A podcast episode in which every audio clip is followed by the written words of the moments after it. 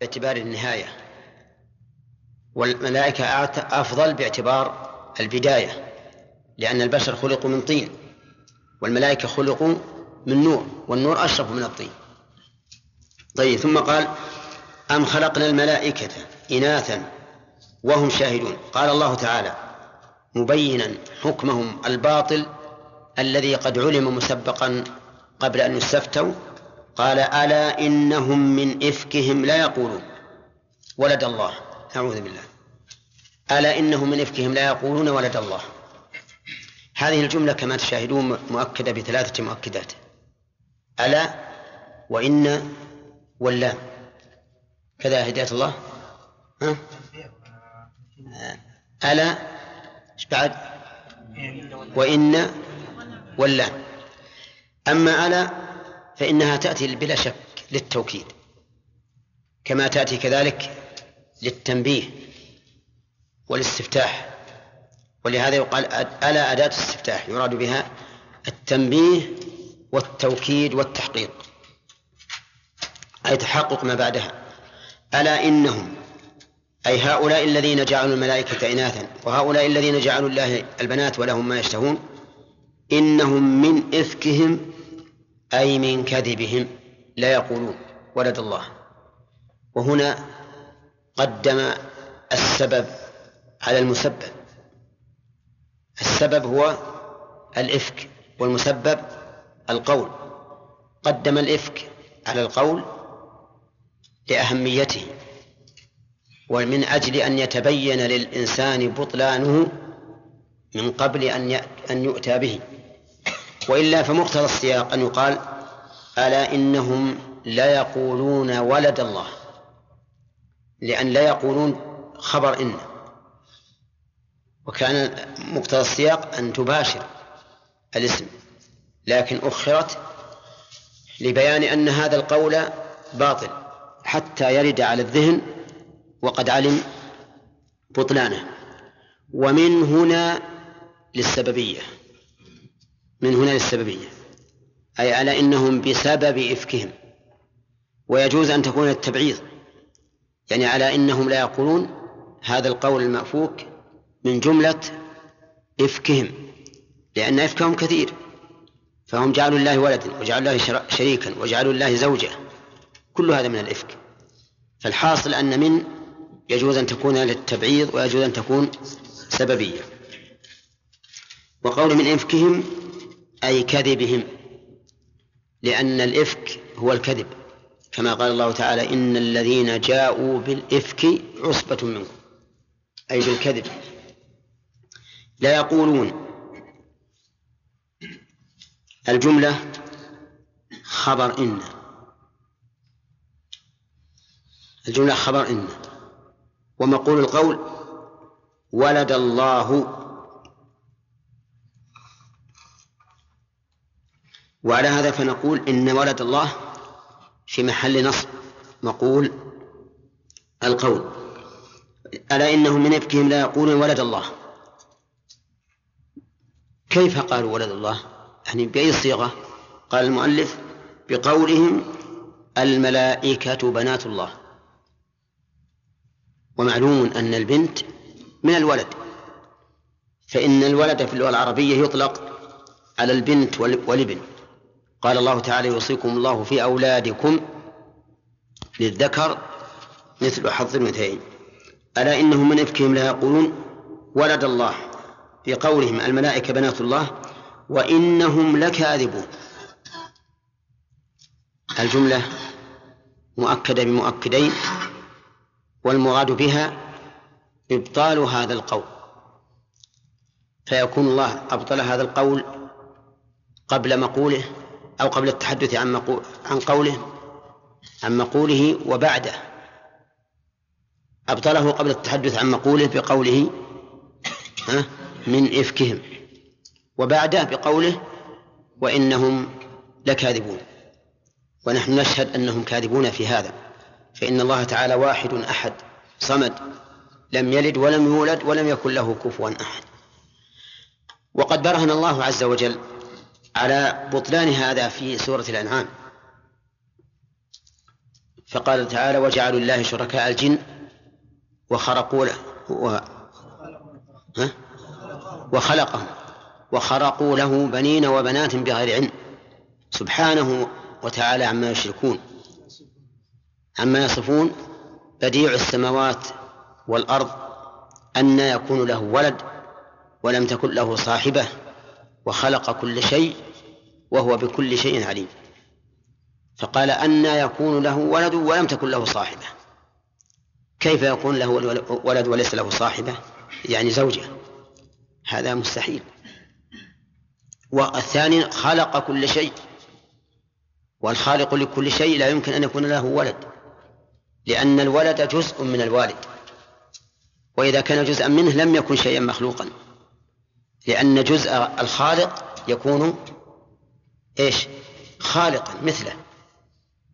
قال الله تعالى وجعلوا له من عباده جزءا. إن الإنسان لكفور مبين. وخلق كل شيء وهو بكل شيء عليم. وقد أعلمنا أنه ليس له ولد. فكيف يكون خبره غير مطابق للواقع؟ فبرهن الله على امتناع الولد من وجوه ثلاثة.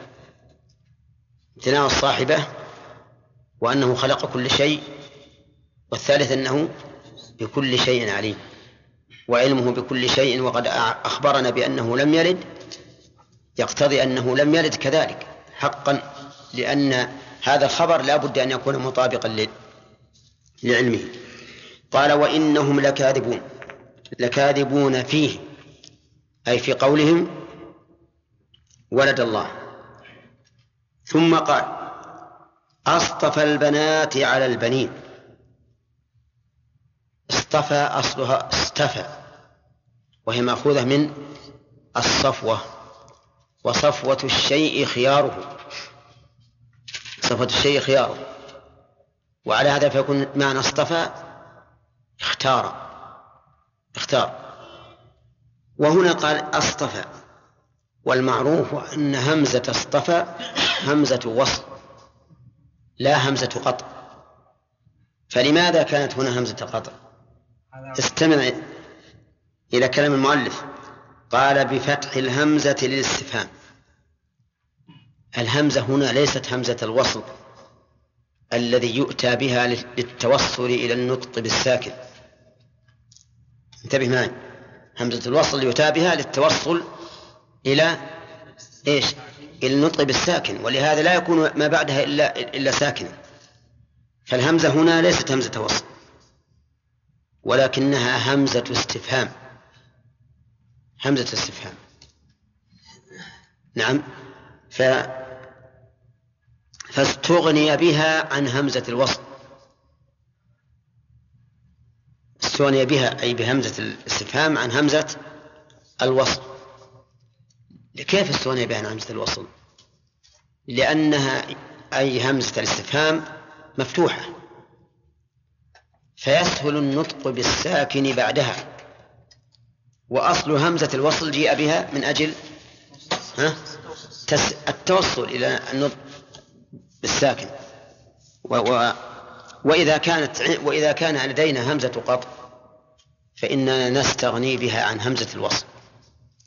مع أنه يجوز وجه آخر. وفي في غير هذه الآية آصطفى البنات. فتقلب همزة الوصل همزة الوصل إلى مد. ومنه قوله تعالى الله خير أما يشركون الله أذن لكم أم على الله تفترون طيب يقول همزة واستغني بها عن همزة الوصل. فحذفت وش اللي حذف همزة الوصل قال أي اختار هذه تفسير الفعل اصطفى. يعني هل يختار الله عز وجل البنات على البنين؟ يعني لو فرض فرضا ممتنعا غاية الامتناع أن الله يتخذ ولدا هل يصطفي البنات على البنين؟ لا. لأن البنين أشرف. أشرف من البنات. ولا يمكن أن يختار الله البنين على البنات على البنين. لو فرض الفرض الممتنع المقطوع بامتناعه. لو فرض الفرض الممتنع المقطوع بامتناع أن الله يختار ولدا ما اختار البنات على البنين. كما أنكم أنتم لم تختاروا إيش؟ البنات على البنين. جعلتم البنين لكم ولله البنات. طيب ولهذا قال أصطفى البنات على البنين. الجواب إيش؟ لا لا يمكن. طيب ما لكم؟ ما لكم؟ أنا أريد من هداية الله أن يعرب ما ما لكم؟ ما لكم ما ثانيا مبتدأ ولكم خبر تمام. طيب. ما لا تظن أنها لا تظن أنها نافية. بل هي استفهامية كما قال الأخ هداية الله. مبتدأ. والجار ومجرور لكم خبر. يعني أي شيء لكم حتى تحكموا هذا الحكم. فتقولوا إن لله البنات وهم الملائكة. وهذا الاستفهام للتوبيخ والإنكار. كالذي بعده. كيف تحكمون؟ هذا الحكم الفاسد. و وهذا الحكم كما قال مالك فاسد وأيضا حكم جائر. حكم جائر. تلك إذن قسمة ضيزى فهو حكم فاسد جائر. ثم قال أفلا تذكرون؟ الاستفهام هنا أيضا للتوبيخ. كل الاستفهامات هنا كلها تفيد التوبيخ والتقريع مع فائدة أخرى إذا دل المقام عليها. أفلا تذكرون؟ قال بإدغام التاء في الذال أصلها تتذكرون. فأدغمت التاء بالذال وسكنت. آه نعم. فأدغمت التاء بالذال فصارت تذكرون. تذكرون. طيب فيها قراءة تذكرون. كذا قراءة سبعية وهي الموجودة عندنا في المصحف. تذكرون. طيب مر علينا أنه إذا جاءت آية إذا جاءت قراءتان في آية فإن الأفضل أن تقرأ بهذه مرة وبهذه مرة. لتحافظ على ما ما جاءت على ما جاء في القرآن الكريم. لأن الكل من عند الله إلا أننا قلنا إن هذا لا ينبغي عند العامة لأنه يحصل به إيش؟ فتنة. العام لا يدري. وربما يكون عاما عاميا عاطفيا غيورا. فإذا قلت مثلا عنده أفلا تذكرون قال لك أفلا تذكرون. فإذا عدت وقلت أفلا تذكرون فقال فقال أفلا تذكرون. فإذا عدت فقلت أفلا تذكرون يمكن يأخذ أكبر ما عنده يضربك. لأنه يرى أنك الآن محرف محرف للقرآن على كل طالب العلم الذي يعلم أن هذه قراءة السبعية ينبغي له أن يقرأ بها مرة وبالماء في المصحف مرة أخرى حتى يأتي بالقرآن على الوجوه التي نزل بها. طيب قال أفلا تذكرون؟ معنى تذكرون التذكر أي الاتعاظ. يعني أفلا تتعظون فتدركوا أن ما حكمتم به حكم جائر غير مقبول منكم. قال في في أفلا تذكرون أنه سبحانه منزه عن الولد. نعم. فالله سبحانه وتعالى منزه عن الولد. بدليل العقل ودليل النقل. أما دليل النقل فما أكثر الآيات التي ينكر الله فيها أنه أنه اتخذ ولدا. ومن ذلك قوله تعالى قل هو الله أحد. الله الصمد لم يلد ولم يولد ولم يكن له كفوا أحد. أما الدليل العقلي فنقول لو لو كان لله ولد لكان جزءا منه وكان مستحقا للعبادة كما استحق ذلك والده. ثانيا أن نقول لو اتخذ الله ولدا لكان هذا الولد حادثا والحدوث يمتنع أن يكون جزءا من الله لأن الله لم يزل ولا يزال موجودا بذاته سبحانه وتعالى. فإذا قدر أنه اتخذ ولدا صار هذا الولد إيش؟ حادثا. فكيف يكون حادثا وهو جزء من الله؟ لأن الولد جزء من الوالد كما قال الله تعالى وجعلوا له من عباده جزءا. وكما قال النبي صلى الله عليه وسلم إن فاطمة بضعة مني. ويمتنع أيضا اتخاذ الله ولدا لأن الولد لا بد أن يكون مشبها لأبيه. هذا الوجه الثالث أن يكون مشبها لأبيه. والله سبحانه وتعالى ليس له شبيه لا يماثله أحد. رابعا الولد إنما يتخذه من يحتاج إليه لبقاء النوع. لبقاء النوع. والله سبحانه وتعالى غير محتاج لأحد. ولهذا إذا كان الإنسان عقيما انقطع أثره من الدنيا. لكن إذا كان ولودا وتولد له ولد بعد ولد بقي بقي أثره في الدنيا. ولهذا كان التوالد بين البشر هو السبب الوحيد لبقاء النوع الإنساني. فهذه وجوه أربعة عقلية تدل على إيش؟ امتناع الولد على الله سبحانه وتعالى. طيب. قال أم لكم سلطان مبين. هذا أيضا إضراب انتقال. بل ألكم. والإضراب هنا انتقالي. انتقل الله عز وجل من توبيخهم على ما حكموا به من الولد لله سبحانه وتعالى إلى طلب الحجة. فقال بل لكم سلطان مبين. والمراد بالسلطان هنا ما. ما تكون به السلطة. والسلطة في كل موضع بحسبه. ففي باب الولايات تكون السلطة بماذا؟ بالإمارة. الأمير سلطان. في باب الأعمال تكون السلطة بالقوة.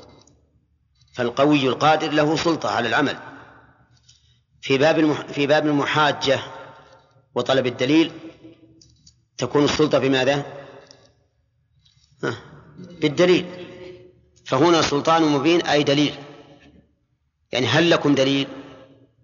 لأن الدليل تكون به السلطة للمحاج يعني إذا حاجك إنسان وصار معه دليل صار له سلطان صار له سلطان عليك أي سلطة ولهذا قال أم لكم سلطان مبين.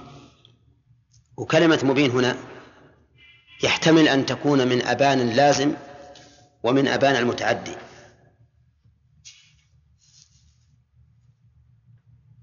كذا. من أبان اللازم ومن أبان المتعدي. لأن أبان الرباعي يكون لازما ويكون متعديا. فإذا قلت أبان الصبح فهو ها؟ لازم ولا متعدي؟ لازم. وإذا قلت أبان الحق أبان فلان الحق هذا متعدي. كلمة مبين هنا هل هي لازم؟ أي أن المعنى أم لكم سلطان بين أم متعدي؟ أي أم ألكم سلطان يبين ما تقولون أو يبين الحجة لكم. أه؟ نعم المتعدي هنا أحسن. المتعدي أحسن. ليش؟ لأن المتعدي متضمن للازم لأن ما ما أبان غيره فهو بين في نفسه. ما أبان غيره فهو بين في نفسه. أم لكم سلطان مبين؟ قال المؤلف حجة واضحة. أن لله ولدا. وصنيع المؤلف في قوله واضحة يدل على أنه جعل مبين من من اللازم أي بين. ولكن الأرجح أنه من أبان المتعدي أي مبين. وذلك لأننا إذا جعلناه من المتعدي لازم منه وجود القاصد.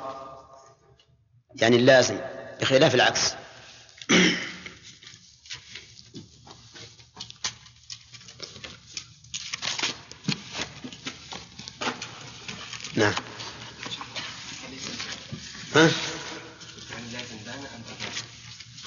وبان لا لازم بان لازم وأبان لازم كلاهما لازم.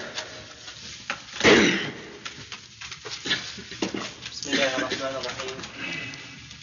الحمد لله. ترى يا جماعة لكم أم لكم أم لكم سلطان مبين. فأتوا بكتابكم إن كنتم صادقين. وجعلوا بينه وبين الجنة نسبا.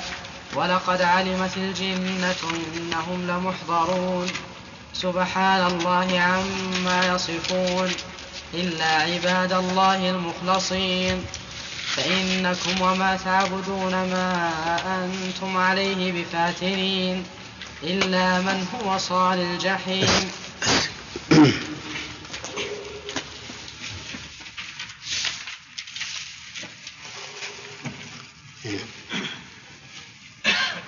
مفصول أعوذ بالله من الشيطان الرجيم. قال الله تعالى فاستفتهم ألربك البنات ولهم البنون. آه، ما معنى قوله فاستفتهم يعني اسألهم آه. طيب. ما الذي يفيده التعبير بالاستفتاء؟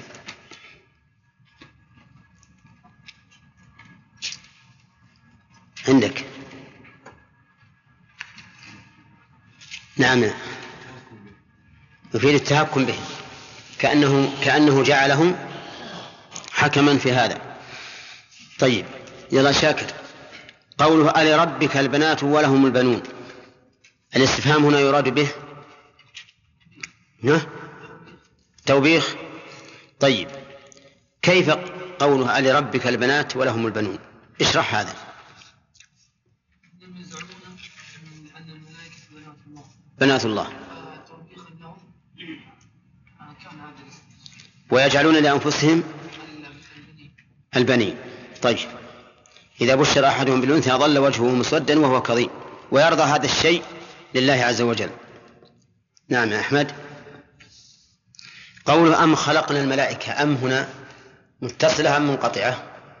منقطع منقطعة. طيب ما هي علامة أم المنقطعة؟ والهمزه نعم بمعنى بل والهمزة. أما المتصلة فهي بمعنى أو. بمعنى أو. طيب. نعم يا أخ. قوله ألا إنهم من إفكهم ليقولون هذه الجملة مؤكدة بعدة مؤكدات. ألا اداه الاستفتاح. آه. ونون التوكيد. نعم. ما ما هي نون التوكيد. آه، إنهم. إيه ما هي نون التوكيد. انهم إيه بس ما هي نون التوكيد. ما اسمها نون التوكيد. نون التوكيد اللي تأتي بالفعل مثل. مؤكده إن المؤكدة. إن مؤكده طيب. واللام إلى يقولون. نعم. طيب وقوله ألا إنهم من إفكهم. من هنا؟ مش معناها؟ تبعيد للتبعيض. ولا تحتمل معنى ثاني ثانيا؟ لا تحتمل. ها؟ لا تحتمل. كيف سببية؟ لا. ها؟ ما انها سلبيه ما هي؟ قلنا بيانية. نعم. طيب. الإفك معناه؟ ها؟ الكذب. أين مقول القول في قوله لا يقولون؟ مقول القول. أين مقول القول؟ في قوله لا يقولون. هو كل قول له مقول. كل قول أنت إذا قلت قلت لا بد وش وش قلت؟ فلكل قول مقول. جملة؟ جملة ولد الله. ولد الله. نعم. طيب. قوله أصطفى البنات بندر. الهمزة هنا لماذا قطعت وهي مع اصطفى همزة وصل. وليست همزة الوصل؟ أين همزة الوصل؟ حذفت استغناء عنها بهمزة الاستفهام. ومعنى اصطفى طيب. والاستفهام هنا بمعنى؟ التوبيخ آه. التوبيخ والنفي. يوبخهم وينفي أن يكون. اصطفى البنات على البنين. طيب. قوله ما لكم؟ هداية الله. الاستفهام هنا؟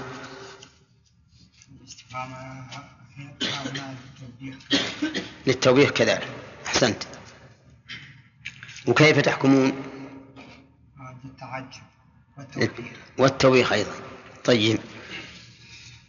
أين خبر المبتدأ في قوله ما لكم لك- لكم الجار مجرور يتعلق بمحذوف وهو وهو الخبر تمام.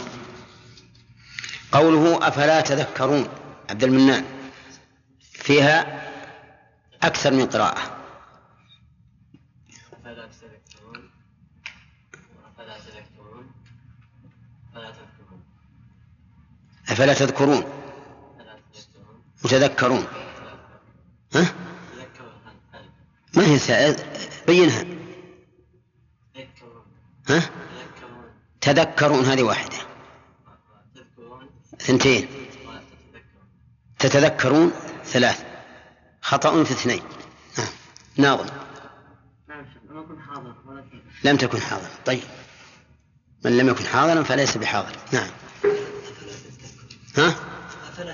كمل قراءتان كمل القراءات.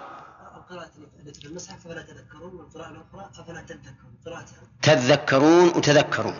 طيب تذكرون ما وجهها؟ المعنى يعني. لا وجهها مو معناها أفلا تذكرون. إيه. لا لماذا كانت تذكرون؟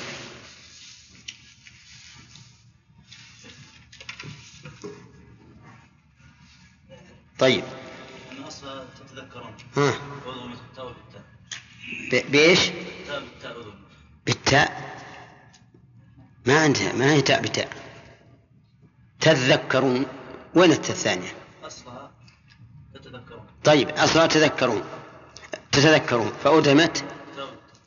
وين التاء بالتاء؟ نعم.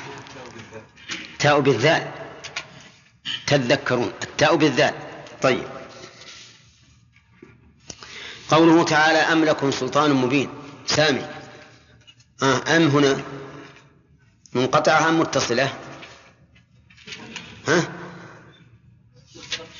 ما حضرت يعني ولا أنت؟ آمنت بالله. نعم يا. قصدي هل هي متصلة أم منقطعة؟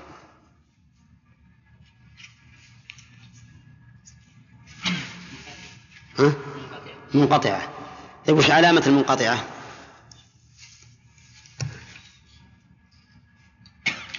ذكر أحمد قبل قليل جارك بالضبط. ليس بينك وبينه أحد. ها؟ نسيت. هالسرعة ذي. معناها أن درس أمس وقبل أمس. فوقه طبقات. نعم. لا حول ولا نعم خالد. ولا يذكر معها معادل. طيب. أن تكون بمعنى بل والهمزة ولا يذكر معها معادل. طيب. والمتصلة ويذكر معها المعادل. ها؟ معلوم؟ المنقطعة بمعنى بل والهمزة ولا معادل معها. ما يذكر معها المعادل. والمتصلة بمعنى أو ويذكر معها المعادل. أيما أولى عليان أن نجعل مبين هنا بمعنى بين أو بمعنى مظهر. يعني متعدي أو لازم؟ إيه. هذا اللي يقول. بمعنى بين أو بمعنى مظهر مبين للشيء. أقول أيهما أولى؟ ها؟ مظهر؟ لا. مظهر مظهر. أو لا أم لكم سلطان مبين؟ نعم ها. أي مظهر؟ لماذا كان أولى؟ لأن المظهر الآن هو متعدي وكل متعدي فهو أولى من اللازم؟ نعم هذا في العبادات. نعم حتى في قياسا. نعم يشمل اللازم المتعدي يشمل اللازم وغيره ما هو واضح. واضح لكم التعليل هذا؟ نعم. كيف ذلك؟ لأن المظهر مظهر بنفسه ولغيره. أي نعم لأن ما أبان غيره فهو في نفسه بين. بخلاف البين في نفسه فقد يبين غيره وقد لا يبين. طيب فإذا فإذا أمكن أن يكون من أبان المتعدي يعني كل ما جاءت مبين وأمكن أن تكون من من المتعدي فهو أحسن. لكن أحيانا لا يمكن. مثل لفي ضلال مبين ما يمكن تكون بمعنى أبان بل بمعنى بين. لكن إذا أمكن أن تكون مبين بمعنى أبان أظهر فهو أولى. قال الله تعالى فأتوا بكتابكم. هذا مفرع على قوله أم لكم سلطان مبين. يعني فإن كان لكم سلطان مبين فأتوا بكتابكم الذي به السلطان. والأمر هنا للتحدي. الأمر هنا للتحدي والإعجاز. مثل مثل قوله وإن كنتم في ريب مما نزلنا على عبدنا فأتوا بسورة من مثله. هذا للتحدي والإعجاز. فقول بكتابكم أي بكتابكم الذي به الحجة والسلطان. وقول المؤلف التوراة هذا لا شك أنه وهم. لأن هذه الآية ليست تخاصم اليهود. حتى نقول إن المراد بذلك التوراة إنما تخاصم من؟ من الذي مع المشركين الذين جعلوا الملائكة بنات الله. ولهذا في بعض النسخ ساقطة. يعني في بعض النسخ المؤلف ساقطة ليست فيه. والنسخة التي سقطت منها أصح من هذه النسخة. قال فأروني ذلك فيه. يعني أروني أن لله البنات في ذلك الكتاب الذي تأتون به. ثم أظهر إعجازهم بقوله إن كنتم صادقين في قولكم ذلك. وهذا يدل على أنه لا يمكن أن يأتوا بكتاب فيه أن الله جعل الملائكة بنات له. هذا شيء مستحيل. ثم قال وجعلوا أي المشركون بينه تعالى وبين الجنة أي الملائكة لاجتنانهم عن الأبصار نسبا بقولهم إنها بنات الله ولقد علمت الجنة إنهم لمحضرون. جعلوا الضمير يعود على المشركين الذين قالوا إن الملائكة بنات الله. فإن قال قائل كيف يرجع الضمير إلى غير مذكور؟ قلنا إنه مذكور بالسياق. يعني أن السياق يعين مرجع الضمير. ولا يلزم في مرجع الضمير أن يكون من جنس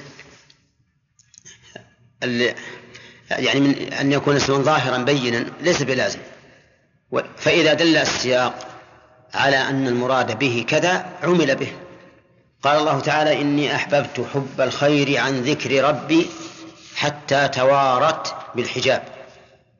المراد بالفاعل في قول توارت يعود على الشمس مع أنه لم يذكر لم يسبق لها ذكر لأنه معروف. وقال تعالى كل من عليها فان. عليها. إيش؟ على الأرض مع أنه لم يسبق لها ذكر.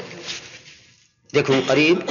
ف ولكن السياق يدل عليها. إذن مرجع الضمير قد يكون متعينا بالسياق. جعلوا بينه أي بين الله سبحانه وتعالى وبين الجنة نسبا. يقال الجنة والجنة والجنة بالضم. وكلها تدور حول الاستتار والخفاء. لأن هذه المادة الجيم والنون كلها تدور على هذا المعنى الاستتار والخفاء. ومنه الجنان. القلب ومنه الجنين الحمل ومنه الجنة الجن ومنه الجنة البستان ذو الأشجار الكثيرة ومنه الجنة ما يستتر به المقاتل عن السهام كالترس. فهذه المادة كلها تدور على هذا المعنى الخفاء. فما المراد بالجنة هنا؟ يقول المؤلف المراد الملائكة. المراد الملائكة. كيف الملائكة يسمون جنا؟ قال نعم. لأنهم مستترون عن الأعين فهم عالم الغيب كالجن الذين هم ذرية الشيطان. هذا ما ذهب إليه المؤلف. ولكن هذا القول ضعيف جدا. لأن الجنة اسم للجن. لا للملائكة. قال الله تعالى الذي يوسوس في صدور الناس من الجنة والناس. يعني الجن. وقال تعالى أم يقولون به جنة. أي جن أصابه بمس. ولا يمكن أن يعبر بالجن الذين هم من أخس خلق الله الذين خلقوا من نار أن يعبر بهم عن الملائكة الذين خلقوا من نور. وهم من أشرف خلق الله عز وجل. قال الله تعالى بل عباد مكرمون لا يسبقونه بالقول وهم بأمره يعملون. انتبه يا ولد انتبه. يعلم ما بين أيديهم وما خلفهم ولا يشفعون إلا لمن ارتضى وهم من خشيته مشفقون. فالمراد بالجنة هنا الجن الذين هم خلق غيبي خلقوا من نار. ولكن كيف جعلوا نسبا؟ المراد بالنسب هنا الصلة مجرد صلة. ليس النسب الذي هو القرابة بل النسب الذي هو الصلة. وذلك أن المشركين لما قالوا إن الملائكة بنات الله إن الملائكة بنات الله قيل لهم لا بنات إلا بزوجة. قالوا نعم إن الله جل وعلا وسبحانه عما يصفون تزوج من الجن جنية فولدت الملائكة قتلهم الله.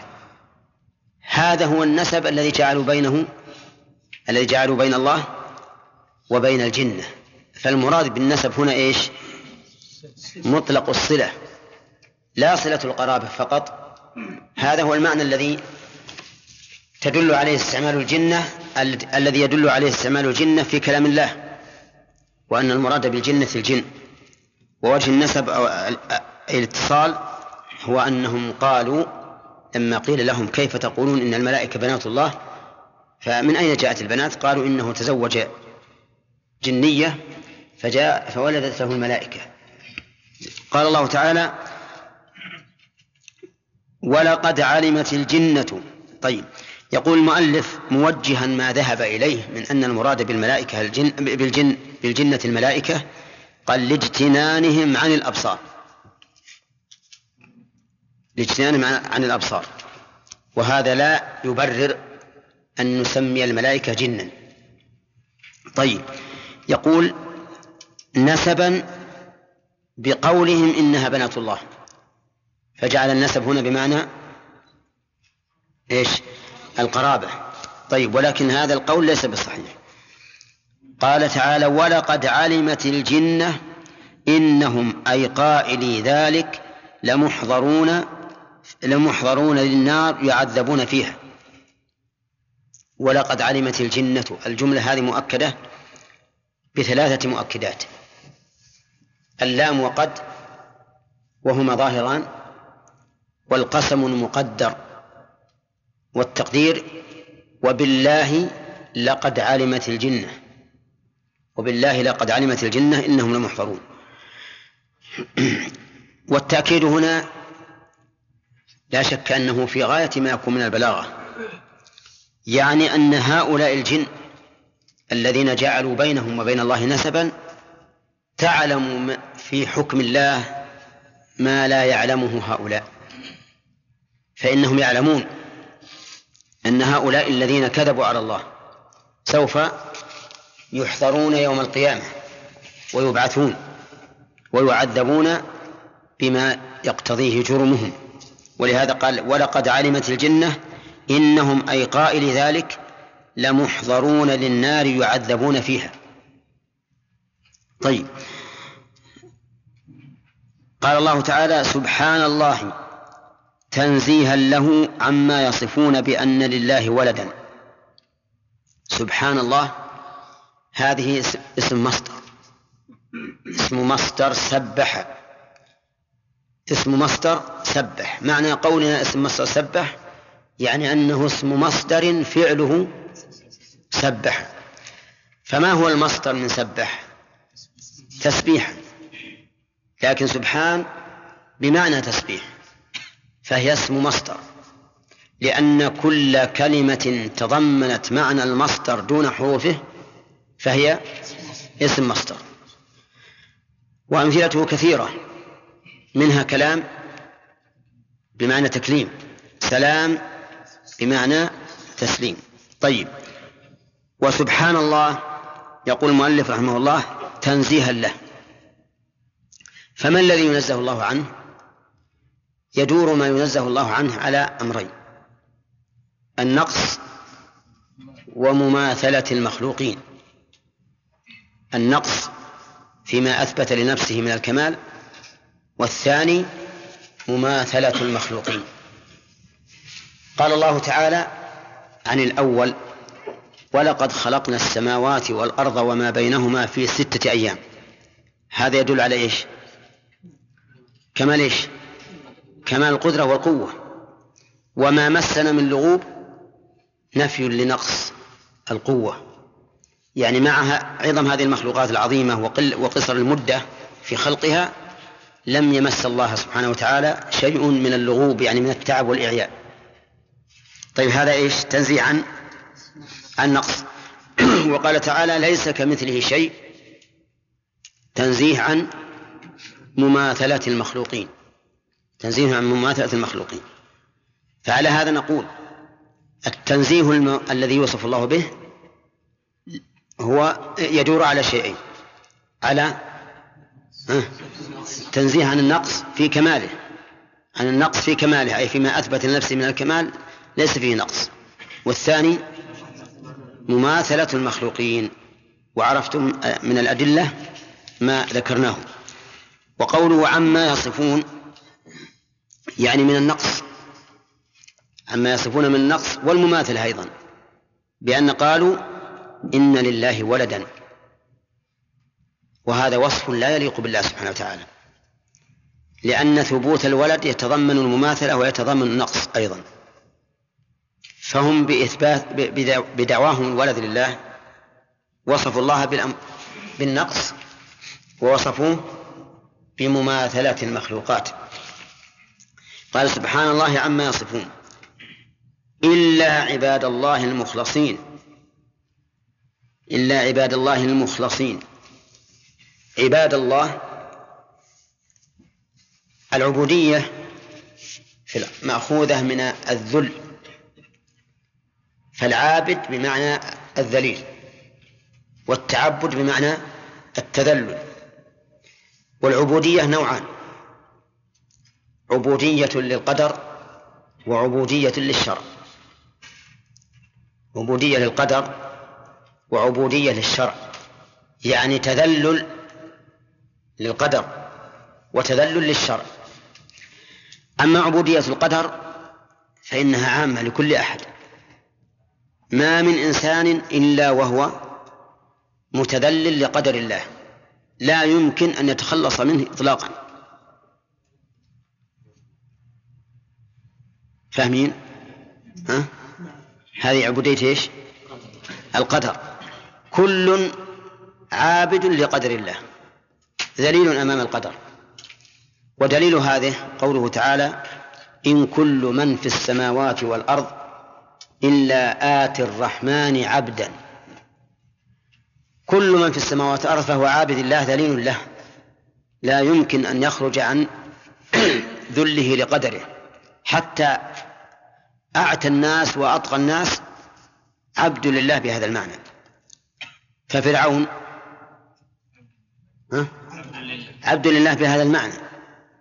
أليس كذلك؟ ولهذا أدركه الغرق. طيب الثاني عبودية الشرع يعني التعبد لشرع الله.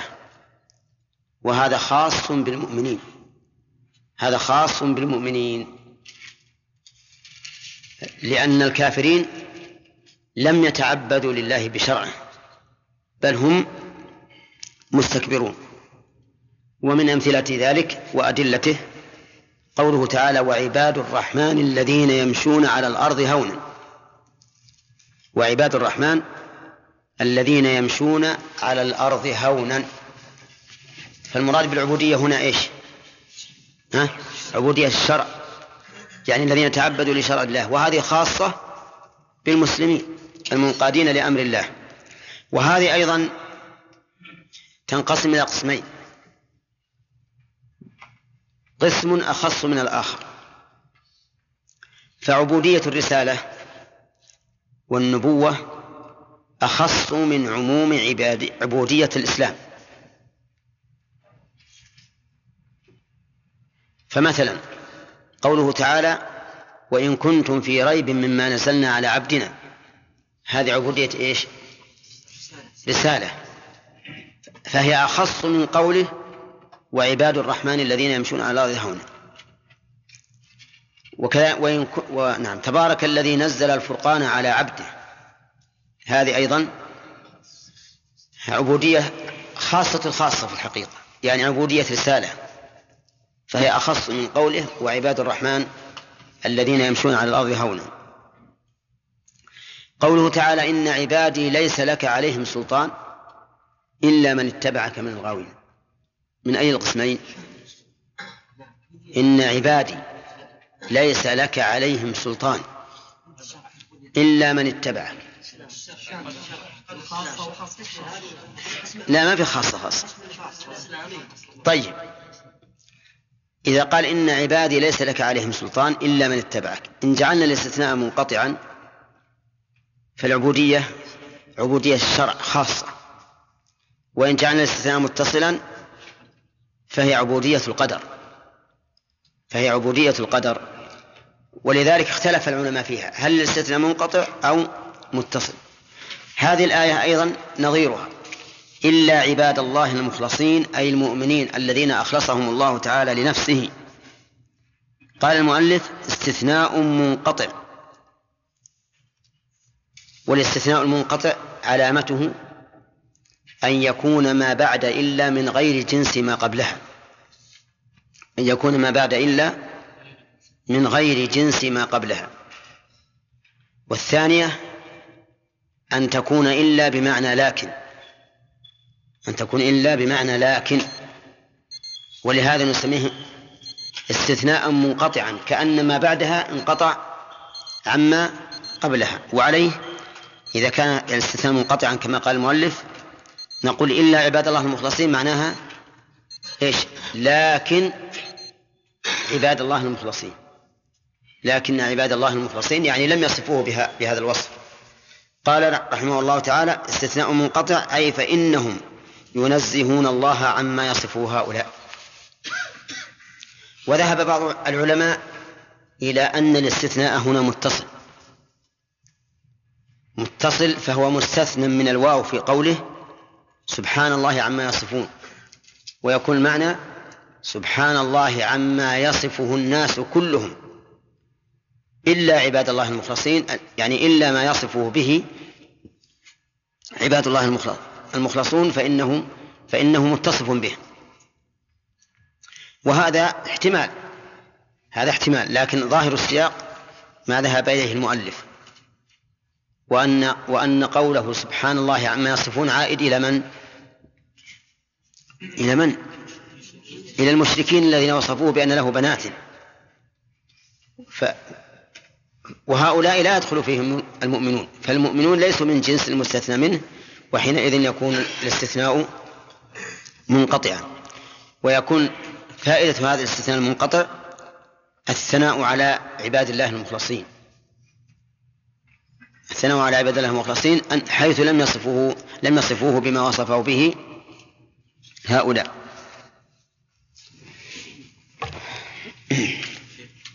نعم.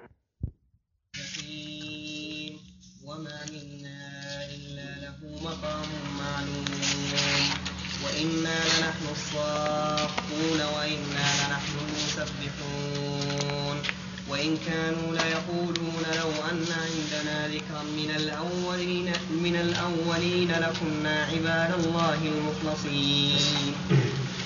أعوذ بالله من الشيطان الرجيم قال الله تبارك وتعالى فأتوا بكتابكم إن كنتم صادقين من المراد بالأمر هنا؟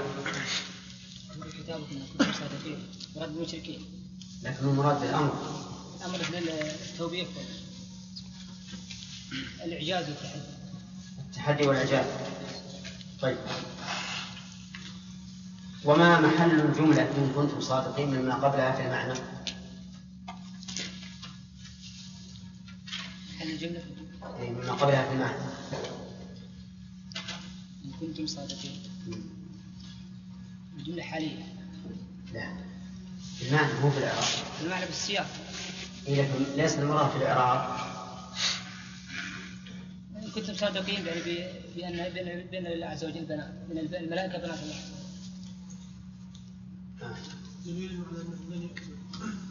تأكيد التحدي والإعجاز. طيب محلها مما قبلها تأكيد التحدي والإعجاز. طيب.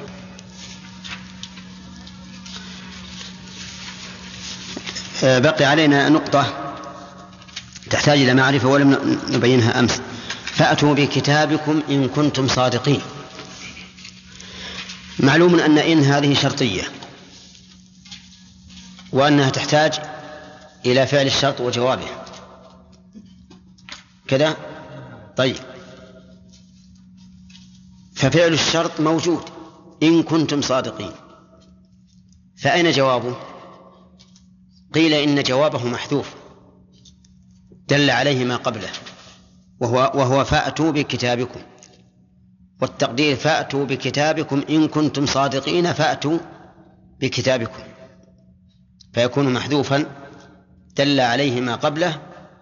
ولا ينبغي ذكره أيضا. لأن ذكره تطويل مستغنى عنه. وقيل إن إن الشرطية في مثل هذا التركيب لا تحتاج إلى جواب. أصلا. تكون مسلوبة الجواب. وعلى هذا القول لا يكون في مثل هذا التركيب تقدير. لا يكون فيه تقدير ويكون هذا المحذوف لما كان معلوما كان لا يحتاج إلى ذكره. وإذا لم نحتج إلى ذكره لم نحتج إلى تقديره. ثم قال الله عز وجل فإنكم وما تعبدون ما أنتم عليه بفاتنين إلا من هو صال الجحيم. فإنكم الخطاب هنا للكافرين. وفيه التفات من الغيبة إلى الحضور. لأن الكاف للمخاطب والمخاطب حاضر. وما سبق ليس فيه الضمير عائد على غائب. وجعلوا بينه وبين الجنة نسبا. ولقد علمت الجنة إنهم لمحضرون. سبحان الله عما يصفون.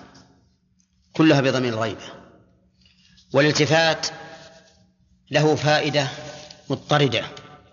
الالتفات من الخطاب إلى الغيبة أو بالعكس له فائدة مضطردة وهي تنبيه المخاطب. ووجه ذلك أن الخطاب إذا كان على وتيرة واحدة لم يكن فيه ما يدعو إلى الانتباه. فإذا تغير الأسلوب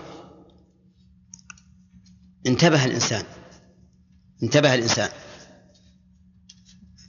هذه الفائدة مضطردة في كل موضع فيه التفات. وهناك فائدة أخرى تكون بحسب السياق. تكون بحسب السياق وليست مضطردة في كل موضع. والفائدة هنا فإنكم وما تعبدون هي أن الله سبحانه وتعالى لما تحدث عنهم بصيغة الغيبة وكان الذي الذي بعد ضمائر الغيبة أمرا يظن صاحبه أنه قادر عليه خاطبه مخاطبة الحاضر إفادة إلى ذله وعدم قدرته على ما يقصد. فالكفار يحاولون فتن الناس عن دينهم بكل وسيلة. تارة بالدعاية لمعبوداتهم وتارة بالقدح في عبادة الله وتارة بالقدح في المسلم في المسلمين وغير ذلك. فيظنون أنهم على شيء. فخاطبهم الله تعالى بالخطاب الصريح إذلالا لهم فقال فإنكم أيها المشركون وما تعبدون من الأصنام.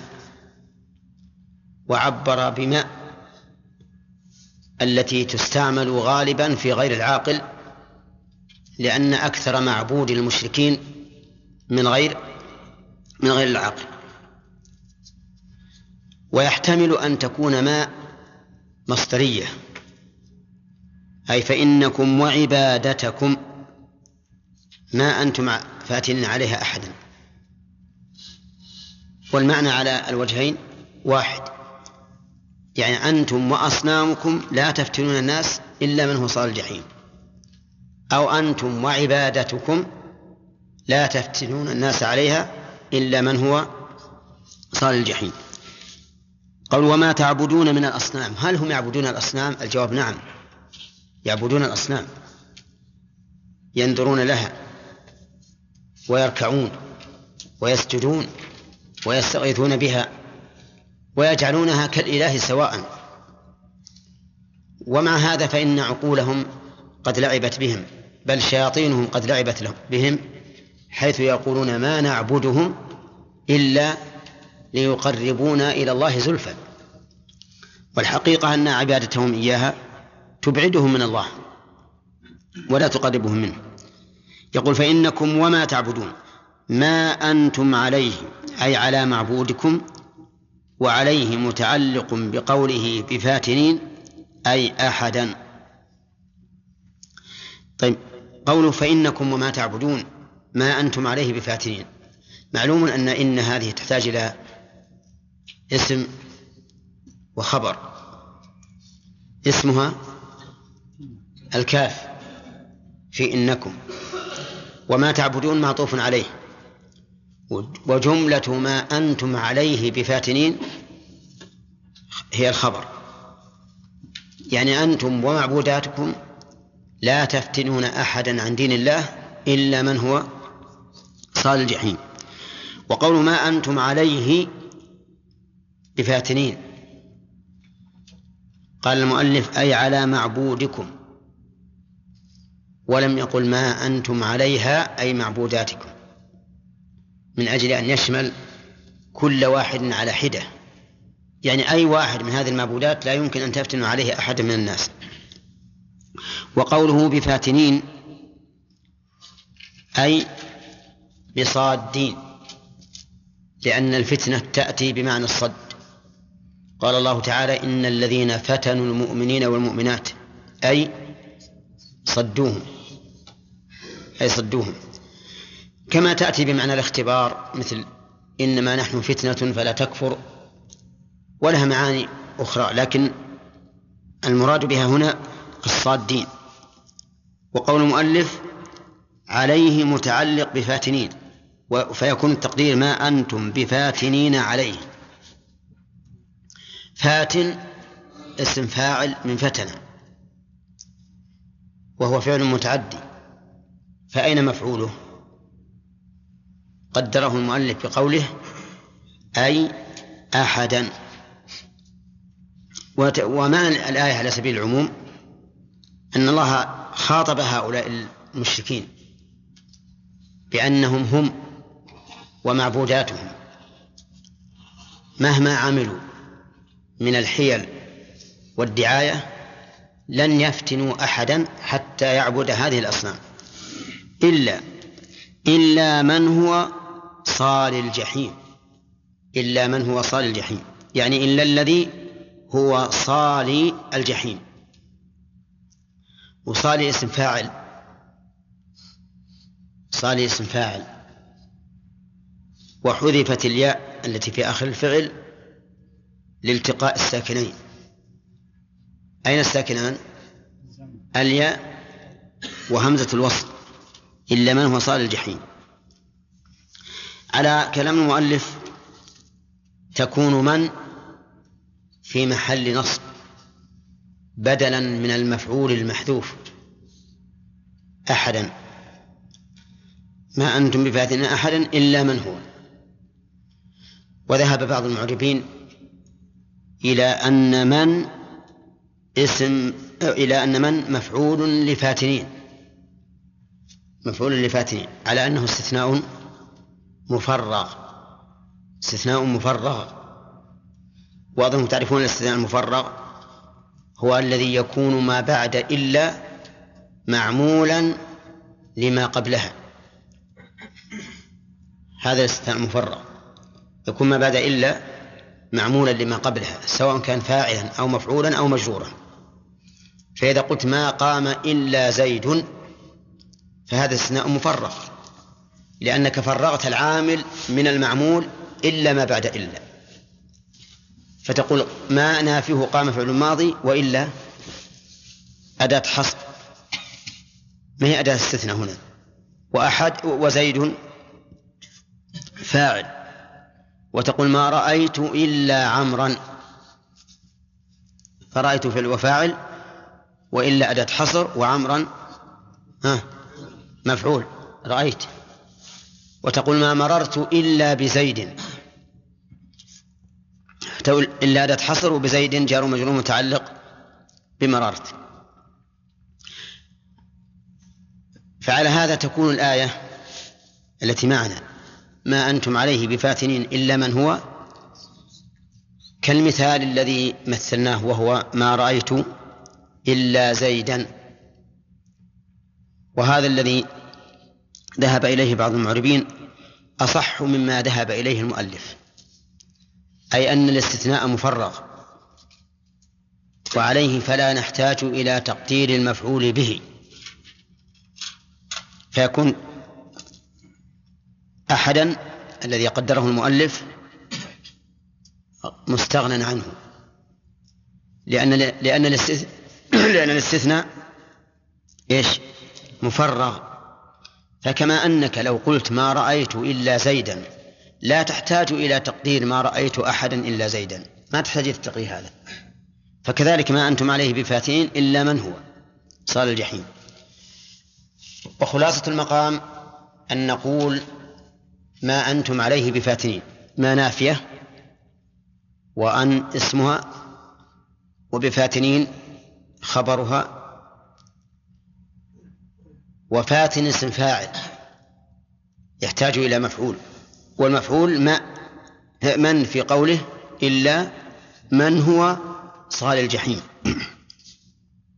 وقوله صال الجحيم صال الجحيم قال المؤلف في علم الله وإنما احتاج إلى تقدير في علم الله لأن صالي اسم فاعل وهم لم يصلوها حتى الآن. ليش؟ ها؟ لأنهم ما ماتوا. فالمفتون حي. فكيف يقال صال الجحيم وهو لم يمت بعد؟ قال المؤلف المراد صال الجحيم في علم الله أي من كتب من علم الله أنه سيصلى الجحيم فهو الذي تفتنونه. وأما من علم الله أنه مؤمن فلن تفتنوه. وهذا كقوله تعالى من يهد الله فهو المهتدي ومن يضلل فأولئك هم الخاسرون. طيب.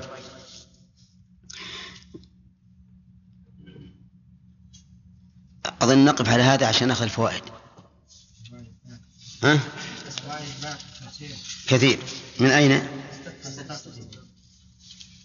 قال الله تبارك وتعالى فاستفتهم ألربك البنات ولهم البنون. في هذا من الفوائد تحدي أهل, أهل الكفر والشرك ببيان الدليل على ما يقولون من الكذب والافتراء.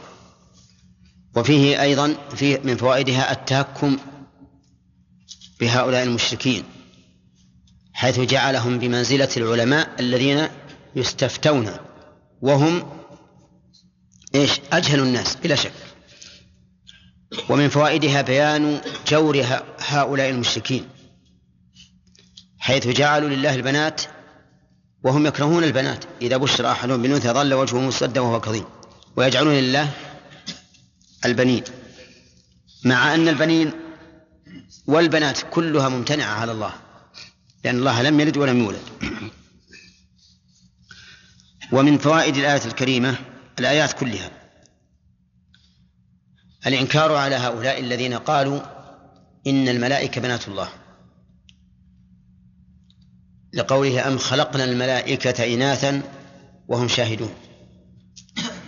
ومن فوائدها أيضا تحدي هؤلاء الذين ادعوا أن الله سبحانه وتعالى جعل الملائكة بنات الله لأنه يقال لهم هل شهدتم خلق الله للبنات حتى تعلموا أنها بنات الله؟ والجواب شهدوا أو لا؟ ما شهدوا. ولهذا قال أم خلقنا الملائكة إناثا وهم شاهدون. ومن فوائدها إثبات الملائكة. والإيمان بالملائكة أحد أركان الإيمان الستة كما هو معروف. ومن فوائد الآية الكريمة أن كل من ادعى دعوى فإنه يطالب بالبينة عليها. لقوله أم خلقنا الملائكة إناثا وهم شاهدون. فهل هم شاهدون حتى يدعوا ذلك؟ ومن فوائد الآية الكريمة تأكيد إفك هؤلاء الكذابين الذين ادعوا أن الله أن لله ولدا. لقوله ألا إنهم من إفكهم لا يقولون. ومن فوائدها أن هؤلاء لهم إفك متعدد. بناء على أن من إيش؟ للتبعيض. ألا إنهم من إفكهم لا يقولون ولد الله. ومن فوائد الآيات أن الله تعالى منزه عن الولد. لأن الله جعل هذه الدعوة إفكا وكذبا. وأكد الله ذلك بقوله وإنهم لكاذبون. ومن فوائد الآيات أيضا الاستدلال على هؤلاء بدلالة العقل بدلالة العقل. وهو أن يقال كيف يصطفي الله البن البنات على البنين؟ هذا ليس بعقل ليس بمعقول. ولكن هم يجعلون هذا الشيء أمرا معقولا واجبا أيضا أن يكون لله البنات ولهم البنون. ومن فوائد الآية الكريمة أن هؤلاء الذين حكموا بهذا الحكم أشبه ما لهم أشبه ما يكونون بالمجانين. ولهذا خوطبوا بمخاطبة المجنون حيث يقول لهم ما لكم؟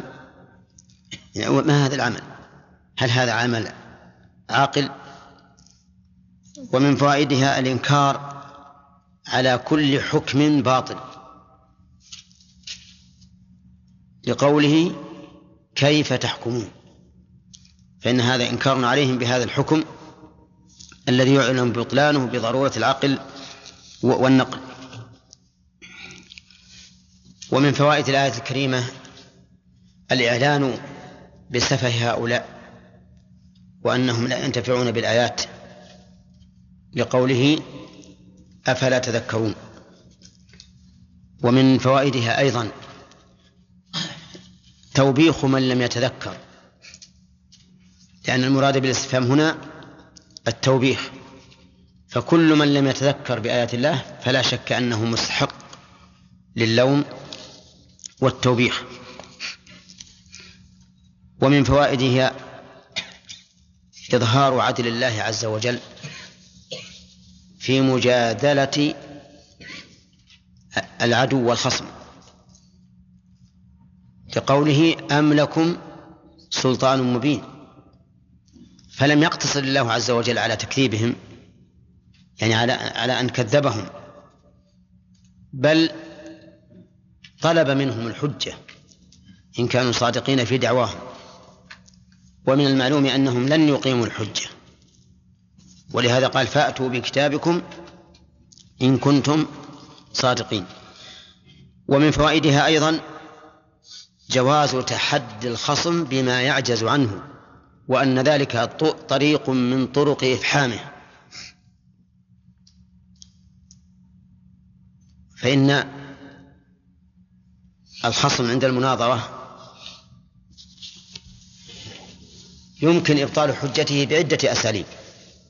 منها التحدي ولكن يجب أن يكون التحدي بما لا يمكن أن يقيم عليه البرهان والدليل لأنك لو تحديته بشيء يمكنه أن يقيم عليه الدليل والبرهان فأقام عليه الدليل والبرهان لخصمك ولضعف جانبك فإياك أن تتحدى عند المناظرة إلا بشيء تعلم أنه لا يمكن أن يكون. ولهذا ذكر الله سبحانه وتعالى في محاجة إبراهيم مع الرجل حين قال إبراهيم ربي الذي يحيي ويميت. فقال له الرجل أنا أحيي وأميت. فقال إبراهيم فإن الله يأتي بالشمس من المشرق فأتي بها من المغرب. فإبراهيم عليه الصلاة والسلام تحداه أولا بأن الله يحيي ويميت وأنت أيها المحاج لا تحيي ولا تميت. فلما ادعى كذبا أنه يحيي ويميت وكان في ذلك تلبيس على العامة لأنه قال أنا أحيي وأميت أوتى بالرجل مستحقا للقتل فلا أقتله. فهذا على زعمه ها؟ إحياء. والحقيقة أن هذا ليس إحياء ولكنه استبقاء حياة. وليس استبقاء حياة أيضا ولكنه رفع سبب يكون به الموت. وقد يبقى هذا الذي رفعنا عنه السبب سبب سبب الموت وقد وقد لا يبقى. وقال إني أوتى بالرجل البريء فأقتله. فهذا إيش؟ فهذا إماتة على زعمه. وهذا ليس بإماتة ولكنه فعل سبب يكون به الموت. وقد لا يكون به الموت. قد لا يكون به الموت. فالحاصل أن إبراهيم عليه الصلاة والسلام أراد قصر الطريق واختصاره. قال إن الله يأتي بالشمس من المشرق فأتي بها من المغرب فانقطعت الحجة فبهت الذي كفر. وهذه من آداب المناظرة وهو, وهو إفحام الخصم بما لا يمكن أن يقيم عليه الحجة والبرهان. ولكن كما قلت يجب أن تلاحظ أنك إذا أفحمته أو تحديته بشيء يمكنه أن يقوم به فقام به فهذا إضعاف لجانبك. سيكون هذا آه، أحد طرق هزيمتك. ولهذا أم لكم سلطان مبين. ومن فوائد الآية الكريمة أن الحجة سلطان لصاحبها. لأنه يكون بها السلطة على خصمه الذي يحاجه. وعسى إن شاء الله بقية الكلام على هذا. نعم. قال الجحيم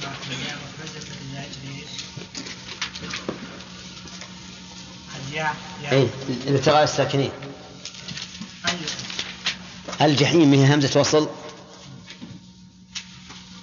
وفي جاءني قادم ها؟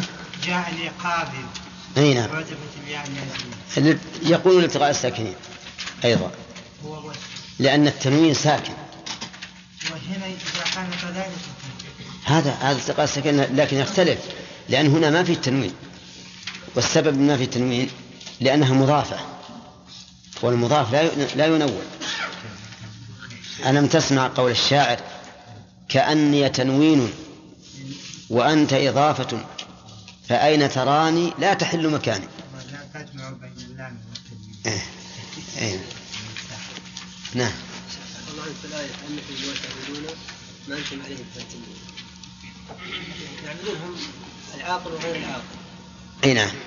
لكن الغالب الغالب أنه غير عاقل. غير العاقل. فلهذا أتى بما تغليبا. نعم. مثل يسبح لله ما في السماوات.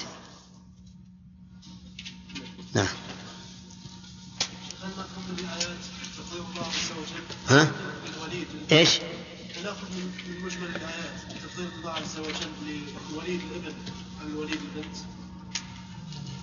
لوليد الإبن؟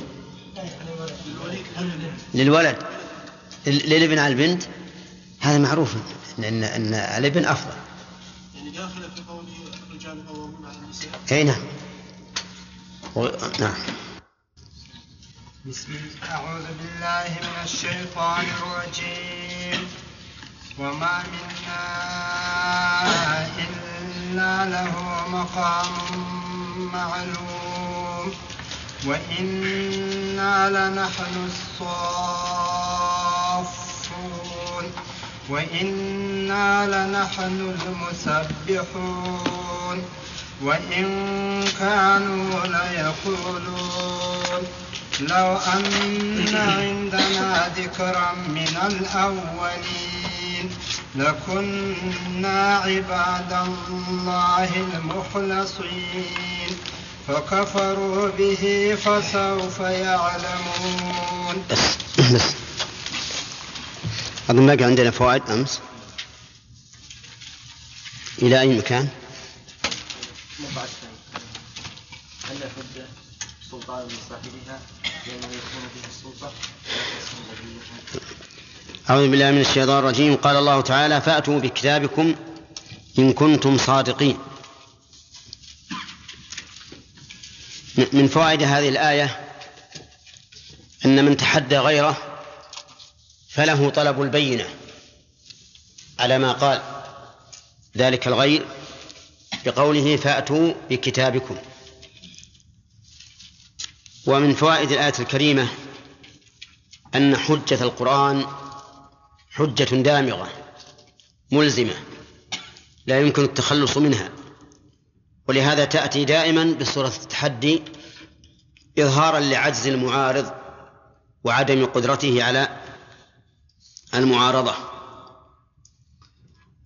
ومن فوائد هذه الآية الكريمة أن هؤلاء كاذبون فيما ادعوه عاجزون عن إقامة البرهان عليهم لقوله إن كنتم صادقين. ومن فوائد قوله وجعلوا, وجعلوا بينه وبين الجنة نسبا إلى آخره بيان عتو هؤلاء وطغيانهم حيث وصفوا الله سبحانه وتعالى بما لا يليق به فجعلوا بينه وبين الجن نسبا ومن فوائدها أن أن هؤلاء الذين جعلوا بينه وبين وبين الله نسبا يعلمون أنه أن هؤلاء معذبون على ما قالوا محضرون في النار لقوله ولقد علمت الجنة إنهم لمحضرون.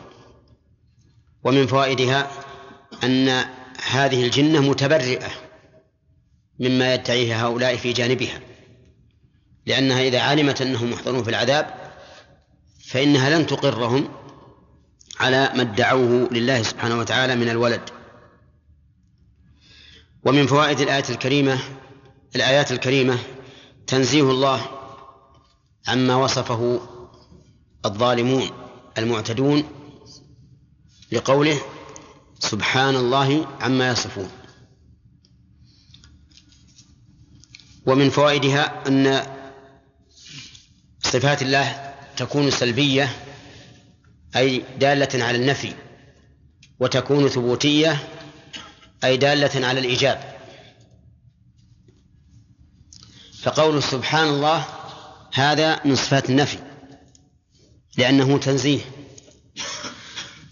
وصفات النفي التي وصف الله بها نفسه لا تدل على النفي المجرد لأن النفي المجرد ليس بشيء. فضلا عن أن يكون مدحا. وإنما تدل على ثبوت كماله المنزه عن هذا العيب. فتنزيه الله عما لا يليق به يتضمن كماله فيما يختص به سبحانه وتعالى. وهذه قاعدة في جميع الصفات المنفية أنه لا يراد بها النفي المجرد لأن النفي المجرد ليس بعد ليس بشيء لأنه نفي. فضلا عن أن يكون مدحا. إنما يراد بها إثبات كماله سبحانه وتعالى في صفاته حتى انتفى عنه كل صفة نقص. ومن فوائد الآيات الكريمة أن من عباد الله سبحانه وتعالى من من عليهم فأخلصهم وأخلصوا له الحق لقوله إلا عباد الله المخلصين الذين أخلصهم الله مما أصيب به غيرهم والذين أخلصوا لله فيما يصفونه به. ومن فوائد الآية الكريمة أن هذا القرآن الكريم مثاني تثنى فيه الأشياء فإذا ذكر فيه صفة قوم مذمومة ذكر بعدها صفة الأقوام المحمودة.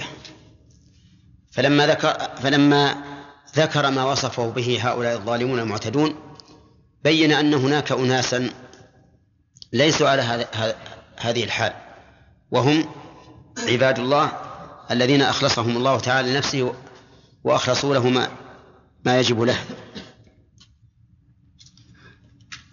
ثم قال تعالى فإنكم وما تعبدون ما أنتم عليه بفاتنين إلا من هو صال الجحيم.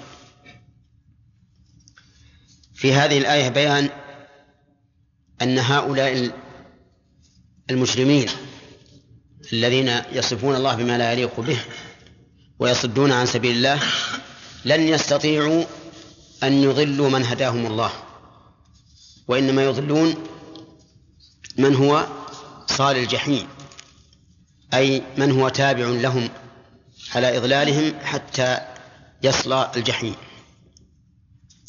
ومن فوائد الآية الكريمة الإشارة إلى أن من تابع أهل السوء في سوءهم فإنه يخشى أن يكون ممن كتب عليه أنه من أصحاب الجحيم. لقوله ما أنتم بفاتنين إلا من هو صال الجحيم. ومن فوائدها أن أهل البصيرة لا يمكن أن يكونوا من أصحاب النار. وذلك لأنهم يعرفون الحق ويعرفون الباطل فيأخذون بالحق ويتجنبون الباطل. ووجه ذلك أن الله أخبر بأن هؤلاء المجرمين الضالين المضلين لن يستطيعوا أن يفتنوا أحدا عن دينه إلا من هو صال الجحيم. فليحذر الإنسان من فتنة أهل الشر والفساد لئلا يكون ممن هو صال الجحيم. ومن فوائد الآية الكريمة إثبات العذاب في الآخرة. لقوله إلا من هو صال الجحيم. والمراد جحيم الآخرة ونارها. وليس جحيم الدنيا ومن فوائد الآية الكريمة انقسام الناس إلى قسمين. صال للجحيم وناج منها.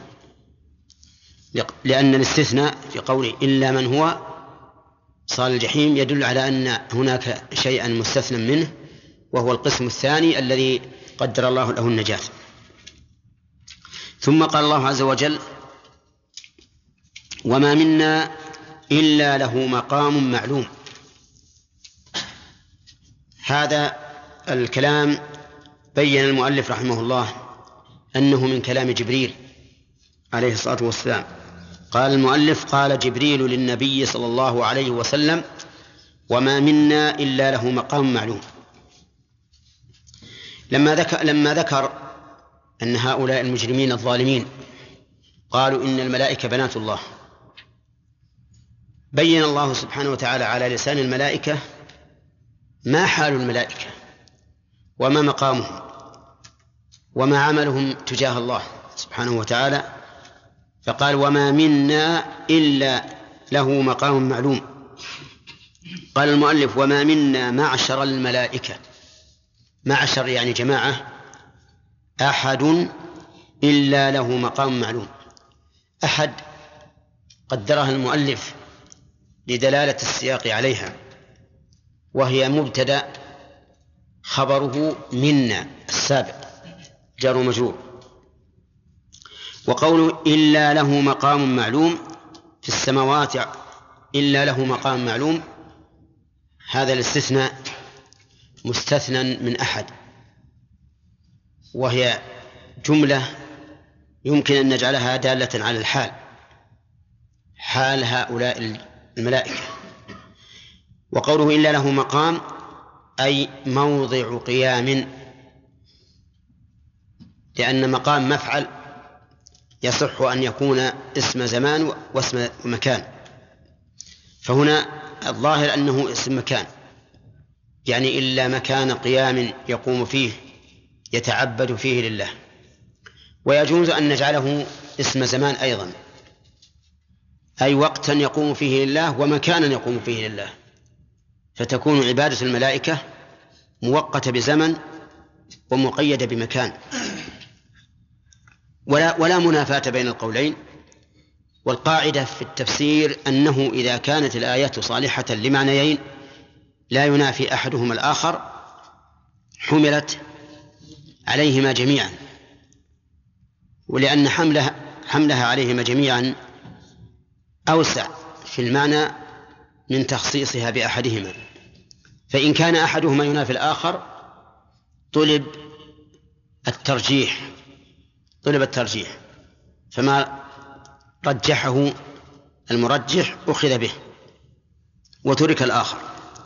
طيب يقول هنا وما منا إلا له مقام معلوم أي مكان وزمان أيضا. يتعبد لله تعالى فيه لا يتعبد لله في غيره. لا في زمن ولا في مكان. وإنا لنحن الصافون أقدامنا في الصلاة. وإنا الضمير يعود على من؟ الملائكة. لنحن الصافون. يعني الذين يصفون عند الله سبحانه وتعالى. كما جاء عن رسول الله صلى الله عليه وسلم أنه قال ألا تصفون كما تصف الملائكة عند ربها؟ قالوا يا رسول الله وكيف ذلك؟ قال يتمون الأول في الأول ويتراصون. فهذا شأن الملائكة عند الله في مقام تعبدهم يصفون لله تعظيما له يكملون الأول فالأول. فأقدمهم وأسبقهم أقربهم من الله عز وجل.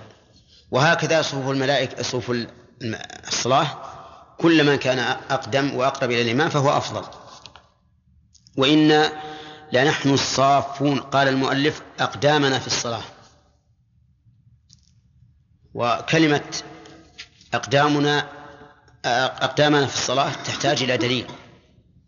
لأن ظاهر الوصف لنحن الصافون أنه يعود على الملك نفسه لا على القدم.